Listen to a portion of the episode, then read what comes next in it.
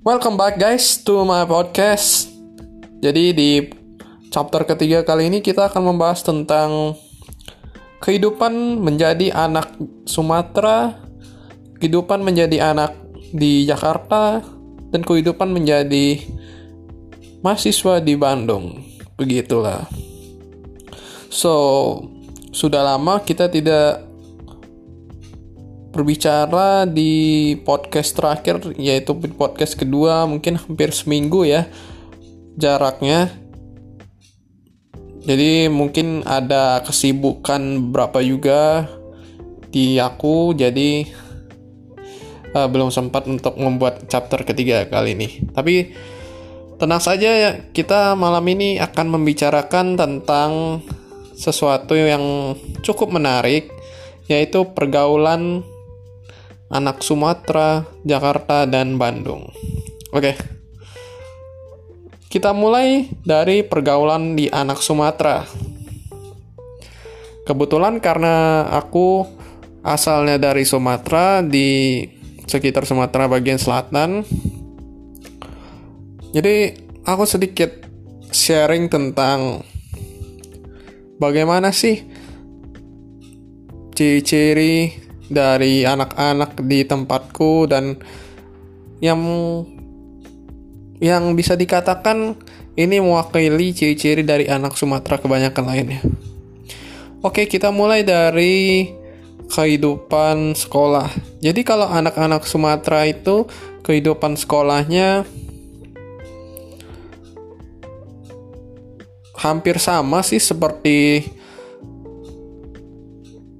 kita kehidupan di Jawa sebenarnya. Cuman yang membedakannya hanya fasilitas dan infrastruktur yang disediakan oleh pemerintah saja, teman-teman, gitu. Terlebih dari fasilitas tersebut, yang setahu pengalamanku, uh, motivasi dan keinginan untuk belajarnya hampir sama jika kita bandingkan dengan anak-anak Sumatera, anak-anak di Jawa seperti di Jakarta dan Bandung. Namun ada beberapa pergaulan mungkin uh, seperti pergaulan yang tidak merata di beberapa daerah di bagian Sumatera. Contohnya karena aku tinggalnya di Sumatera yang emang di ibu kotanya, di ibu kota provinsinya. Jadi terkadang ada gap antara uh, sistem pendidikan di kota dengan di daerah selain kota. Tidak seperti kalau kita belajar di Jakarta, semuanya hampir semuanya merata di Jakarta, baik itu di Jakarta Barat, di Jakarta Utara, Selatan atau dan lain-lainnya begitu.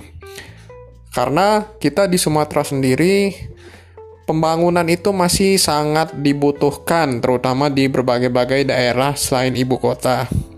Jadi Terkadang pemerintah daerah di selain ibu kota mempunyai keterbatasan dalam menyalurkan infrastruktur maupun menyalurkan dana ke sekolah-sekolah tersebut sehingga mengakibatkan juga kurangnya edukasi yang cocok bagi murid-muridnya.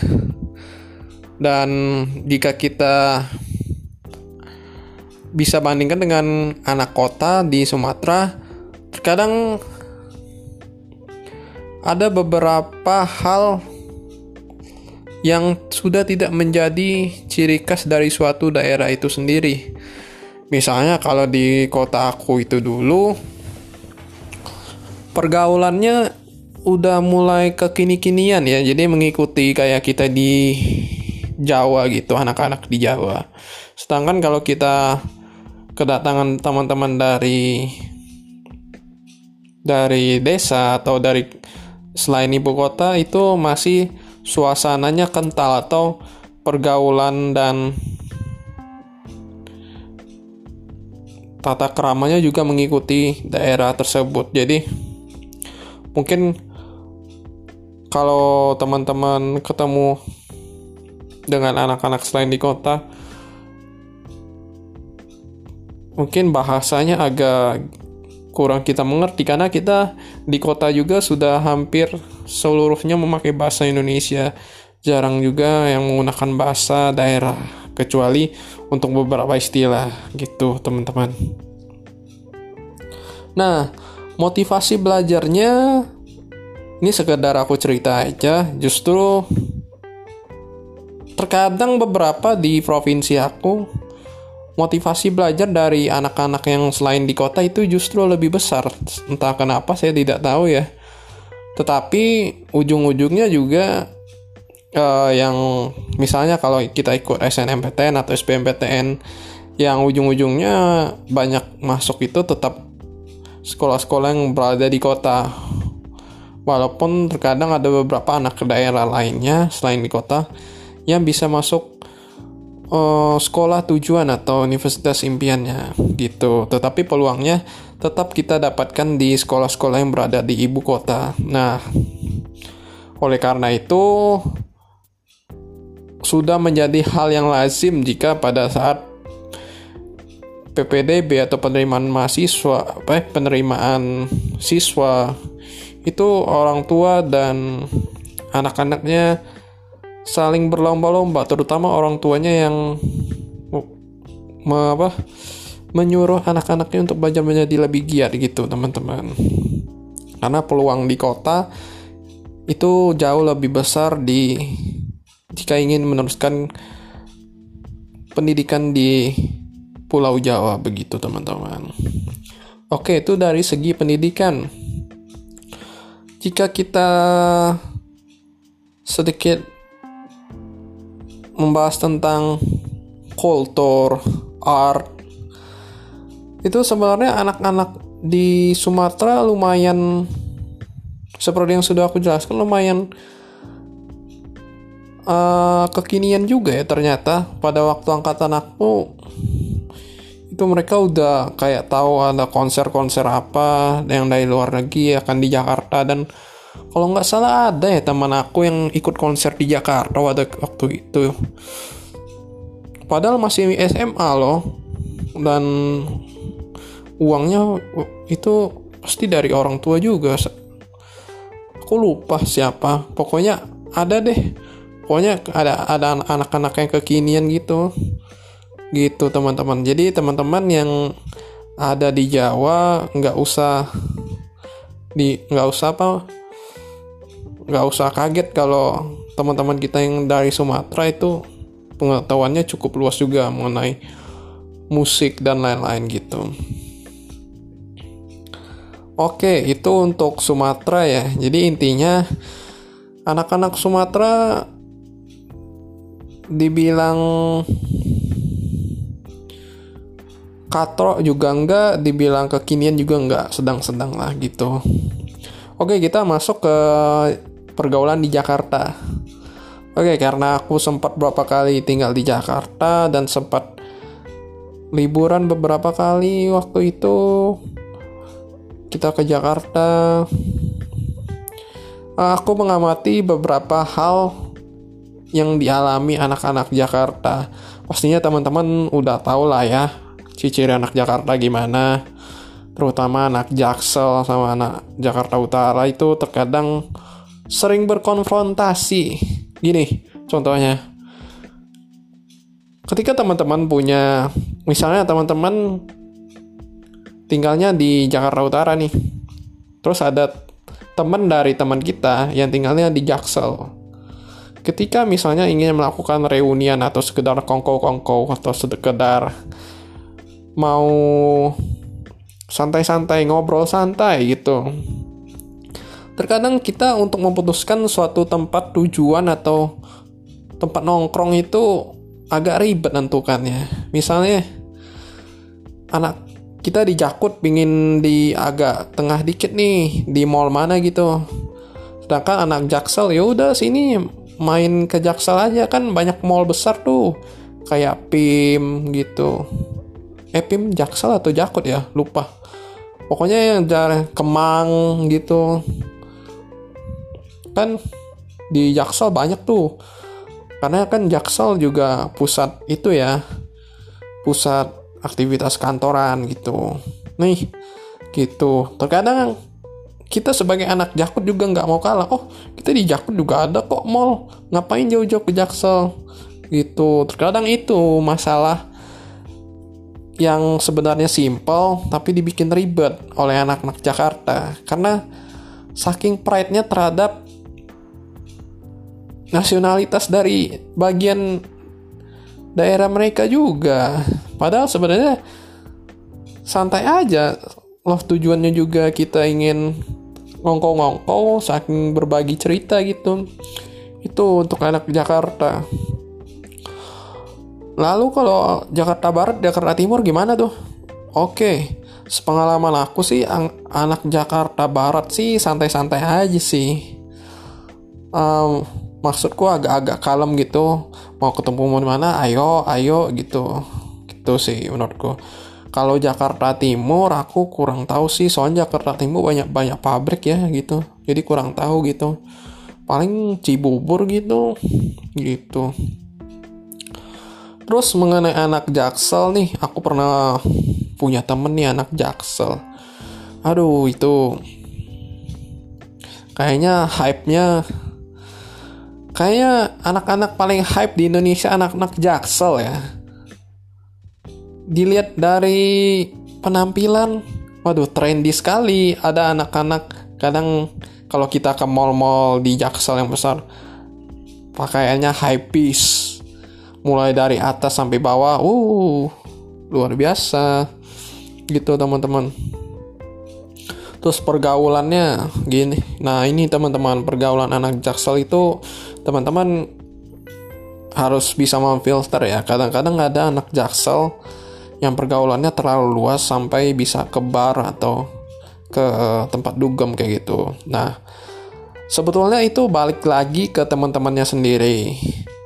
Karena pasti di dalam jika kita punya keyakinan pasti ada beberapa yang menganggap hal-hal seperti yang membuat terlalu menyenangkan seperti dugem itu diang terkadang dianggap se sebagai dosa karena terkadang itu dianggap sebagai aktivitas yang membuat otak kita tidak sadar diri atau over dari kemampuan kita untuk mengontrol perilaku kita gitu. Nah, gitu teman-teman. Jadi itu balik lagi karena di Jaksel itu banyak sih anak-anak muda yang ABG atau masih mencari identitasnya sering ke klub. Nah, itu aku dengar dari cerita teman-teman aku sendiri sih. Walaupun aku sendiri belum pernah ngikut kayak gitu tetapi at least aku tahu dari teman aku ya pergaulan anak jaksel kayak gitu terlalu ya gitulah. Mungkin karena orang tuanya juga mampu atau mungkin dia sudah punya penghasilan. Nah itu balik lagi ke mereka nya itu. Oke Jakarta sedikit sedikit ulasannya begitu. Kita masuk ke anak-anak di Bandung, terutama karena saya kuliahnya di Bandung, walaupun Bandungnya bukan di kotanya. Mengenai anak-anak Bandung mungkin terdengar cukup trendy karena Bandung sendiri dekat dengan kota Jakarta ya teman-teman. Nah, terkadang yang aku temui dari mataku sendiri, jika teman-teman sering main ke daerah univ-univ yang ada di kota Bandung seperti Unpar dan mungkin ada Unpad yang di Bandung atau universitas lain. Terkadang hampir sama. Ada beberapa ciri yang kita temui dengan anak-anak di Jakarta. Anak-anak Bandung juga ada kok yang ke klub atau ke tempat-tempat kayak dugem gitu ada. Karena di Bandung sendiri banyak tempat kayak gitu.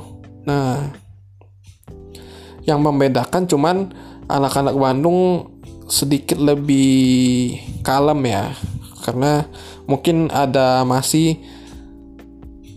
uh, adat Sundanya mungkin masih ada walaupun tidak terlalu ya kalau di kota Bandungnya benar gitu teman-teman.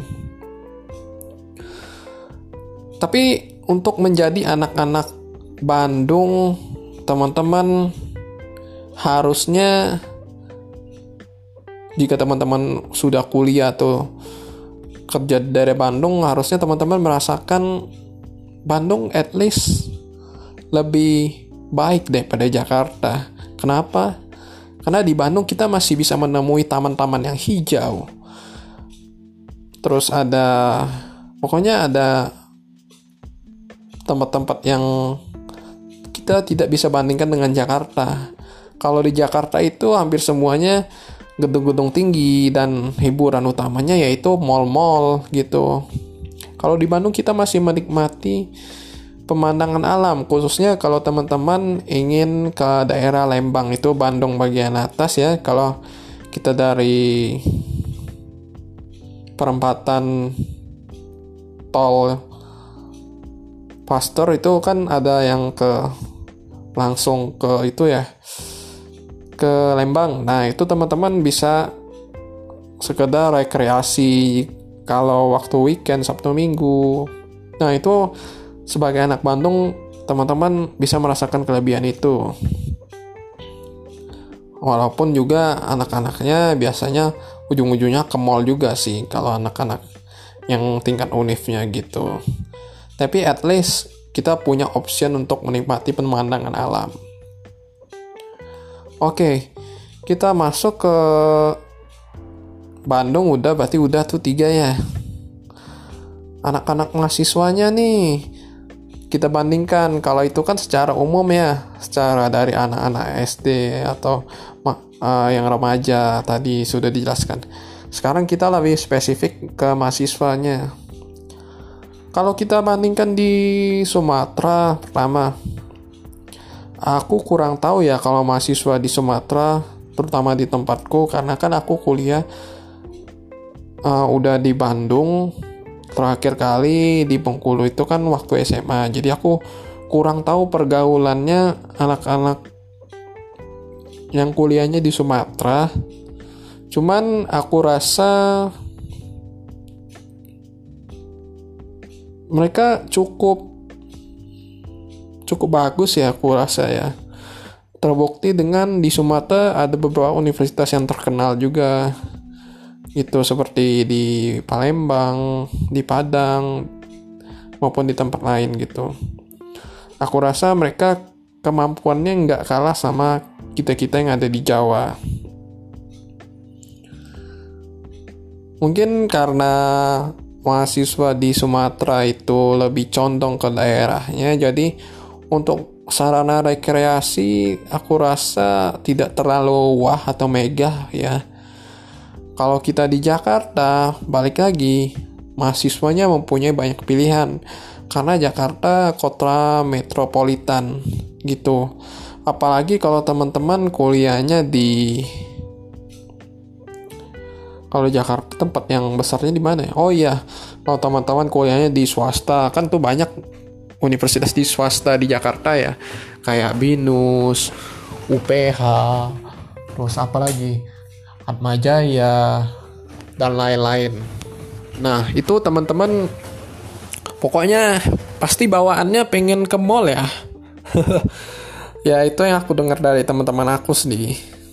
Jadi tempat pelampiasan kalau stres banyak di Jakarta tapi tergantung budget dari teman-teman masing-masing kalau nggak ada dana ya sama aja gitu teman-teman karena di Jakarta semuanya butuh uang gitu. Dan aku juga merasakannya ketika aku berkunjung ke tempat teman-temanku yang kuliah di Jakarta. Itu pasti at least mereka dua hari atau tiga hari dalam seminggu tuh bisa nongki di tempat-tempat yang ya di mall-mall lah at least kayak gitu mungkin kalau ada univ yang deket-deket Jakarta kayak Depok di UI gitu mungkin oh iya temanku yang di UI juga anaknya gaul banget karena kan Depok deket banget tuh sama Jaksel ya. Naik kereta aja cuma nggak sampai sejam gitu. Itu anak-anak UI ya biasanya pelampiasannya kalau nggak di mungkin awalnya di Mall Margonda ya di Depok. Tapi kalau pengen yang lebih pak pasti di Jaksel sih. Itu. Nah. Tapi keren sih menurutku. Mereka kuli, keuntungan mereka kuliah di ibu kota. Mereka jadi tahu informasi terkini dan mereka juga bisa menyesuaikan dengan kondisi lingkungan gitu seharusnya ya. Nah, kalau mahasiswa di Bandung uh, cenderung PW ya yang aku lihat. Apa sudah keenakan dengan kotanya karena Bandung itu lumayan adem ya walaupun Bandung juga panas ya. Apa sekarang-sekarang karena udah banyak eh, kantor-kantor uh, perumahan juga dibuat di Bandung. Tapi at least nggak sekotor atau polusi Jakarta yang setauku. Terus juga mahasiswa Bandung. Ada banyak yang berprestasi juga. Dari kampusku juga banyak yang berprestasi karena kampusku juga salah satu universitas terbaik di Indonesia. Di Bandung juga ada kalau kampusku itu termasuk dua universitas negeri terbesar di Ban di Jawa Barat. Ya, teman-teman tahulah dua universitas inilah yang terkenal di Bandung. Nah, itu salah satunya kampusku. Kalau di Jakarta kan mungkin ada eh di Jabodetabek ada UI, terus apa lagi ya? Yang negerinya itu yang paling terkenal. Iya ya, pokoknya yang rankingnya di sini aku bicarakan uh, yang top 10 university Indonesia gitu. Bukannya maksud membeda-bedakan tapi ini sekedar curhat saja. Sebenarnya menurutku mahasiswa itu sama aja tergantung dari kepribadiannya masing-masing. Ya universitas hanya untuk penunjang kalian saja. Selebihnya kalian lulus pasti itu balik lagi ke pilihan kalian masing-masing gitu. Oke, kita tadi uh, masuk ke mana ya? Uh, sampai di mana? Oh, mahasiswa Bandung yang cukup berprestasi, banyak prestasinya. Iya, kenapa bisa dibilang begitu? Karena kompetisi-kompetisi juga biasanya hanya ada di kota-kota yang besar, contohnya Bandung, Jakarta, itu universitasnya banyak sehingga kompetisi yang diadakan UNIF atau pemerintahnya juga banyak. Dan Bandung juga dengar-dengarnya kayak Silicon Valley-nya Indonesia ya atau Jakarta. Aku bingung juga gitu. Itu sekedar rumor tapi kalau dikatakan begitu at least masih bisa termasuk. Walaupun sebenarnya menurutku perkembangan teknologi itu masih di Jakarta pusatnya. Tapi ada beberapa perusahaan yang memindahkan cabangnya di Bandung dan sudah mulai mengembangkan atau ekspansinya di Bandung itu. Oke. Tadi mahasiswa. Sekarang kita bahas biaya hidup ya balik lagi kalau kita bandingkan dengan Sumatera biaya hidupnya ada yang murah tapi kebanyakan masih murah ya. Tapi kalau di tempatku nggak murah-murah banget sih. Justru lebih murah di sekarang di Bandung menurutku. Itu tergantung daerahnya masing-masing lah di Sumatera. Tapi menurutku tingkat pengeluaran yang paling banyak ketika teman-teman kuliah di Jabodetabek. Karena pasti itu banyak embel-embelnya seperti tempat-tempat teman-teman kalau stres pasti maunya ke mall terus itu tidak terlepas juga dengan anak-anak yang di Bandung. Tapi kalau di Bandung kan ya mall-mallnya cuma itu-itu aja ya teman-teman. Paling beberapa doang kayak BEC terus apalagi ya di Bandung? Hmm, Riau Junction. Kalau Riau itu untuk makanan ya setauku. BC elektronik. Ya pokoknya di jalan-jalan itulah mallnya yang terkenal gitu. Oh ini apa? Ada yang agak sedikit di atas. Aku lupa mall. Mallnya PVJ iya PVJ lumayan. Tapi PVJ cukup kecil ya menurutku. Menurutku PVJ biasa aja ya mungkin dulu sih aku dengar dengarnya dari waktu aku masuk SMA di Sumatera PVJ apaan tuh PVJ oh mall katanya bagus. Tapi setelah aku kuliah di Bandung ya itu kayak mall-mall biasa. Gitu. Dan aku juga pernah uh, ke Jawa Timur. Itu mall-mallnya lebih bagus loh ternyata bisa dibandingkan dengan Jakarta gitu. Ini sedikit out, out of the topic ya dari topik kita. Jadi pengalamanku juga ada teman-teman di Surabaya. Itu mall-mallnya bagus ada mall Paku Pakuwon dan lain-lain gitu. Gak kalah jauh. Dan asik-asik juga kalau kita berbicara dengan anak-anak yang di Jawa Timur di Surabaya. Katanya sih banyak anak crazy rich sih. Tapi sama masing-masing tempat pasti ada anak-anak crazy rich. Ya walaupun saya termasuk anak yang biasa-biasa saja saya tetap mensyukuri sudah bisa kuliah di Bandung dan sudah lulus tahun ini di masa corona. Itu merupakan ya, rasa syukur yang uh, aku bisa ucapkan atau bisa syukuri gitu. Oke, sepertinya kita Oh iya, ada satu lagi.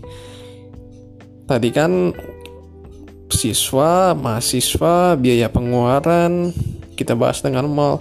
Satu lagi mungkin sedikit ini yang paling entah kenapa di setiap chapter pasti aku suka membahas tentang ini, tentang relation relationship gitu. Maaf ya teman-teman jika bosan mendengar podcast ini, pasti di setiap chapternya aku ada nyambung sedikit tentang relationship. Oke, okay, kalau di Sumatera aku kurang tahu ya. Uh, tergantung tempatnya, tapi at least kalau aku sendiri sebagai kaum laki-laki melihat teman-teman yang di Sumatera ya biasa-biasa saja. Maksudnya uh, berpenampilan juga seadanya ya dan dan juga seadanya. Ini saya sudut pandang laki-laki ya teman-teman. Jangan don't judge me. It's based on my eye. So itu di Sumatera dan mungkin walaupun di Sumatera ada anak-anaknya yang kekinian mungkin nggak terlalu mencolok juga dari sisi make up itu. Dan mungkin relationshipnya nggak nggak toxic banget sih. Kalau kita bandingkan dengan Jakarta wow aku punya pengalaman uh, jadi pernah lihat apa lawan jenis di Jakarta di suatu mall ya. Wah ini tipe aku banget sih. Ini cocok lah menurutku waktu itulah. Tapi ternyata dia, dia sudah punya kayaknya game pacarnya ya. Padahal yang aku lihat itu kayak di bawah umurku sih gitu tapi ketika aku lihat jalan-jalan, eh ternyata ada pacarnya. Entah kenapa kayaknya anak di ibu kota, terutama di Jakarta, apa masa pubertasnya lebih cepat ya daripada kita-kita di Sumatera atau di kota-kota yang lainnya. Anak Jakarta itu dibilang ter, ya kekini kekinian ya karena di ibu kota juga ya otomatis pasti mereka menyesuaikan dengan lifestyle-nya dan relationship-nya juga terkadang ada yang toxic, ada yang bagus. Tapi kalau teman-teman biasanya kalau di Jaksel nih balik ke Jaksel lagi itu menurut teman-temanku banyak relationship yang toxic sih. Karena mereka pergaulannya juga kebanyakan melenceng gitu setahu teman-temanku kalau kita tidak imannya kuat bisa ikut melenceng juga gitu teman-teman. Jadi sekedar insight saja. Pergaulan di Jakarta jika teman-teman ingin mencari relationship atau itu tetap harus teman-teman evaluasi atau filter yang ingin teman-teman jadikan pasangan. Itu menurutku sih. Balik lagi di Bandung tentang relationship Karena Bandung, kata orang, dikenal dengan kota kembang dan banyak perempuan yang atau lawan jenis yang lumayan cakep dan uh, enak diajak bicara.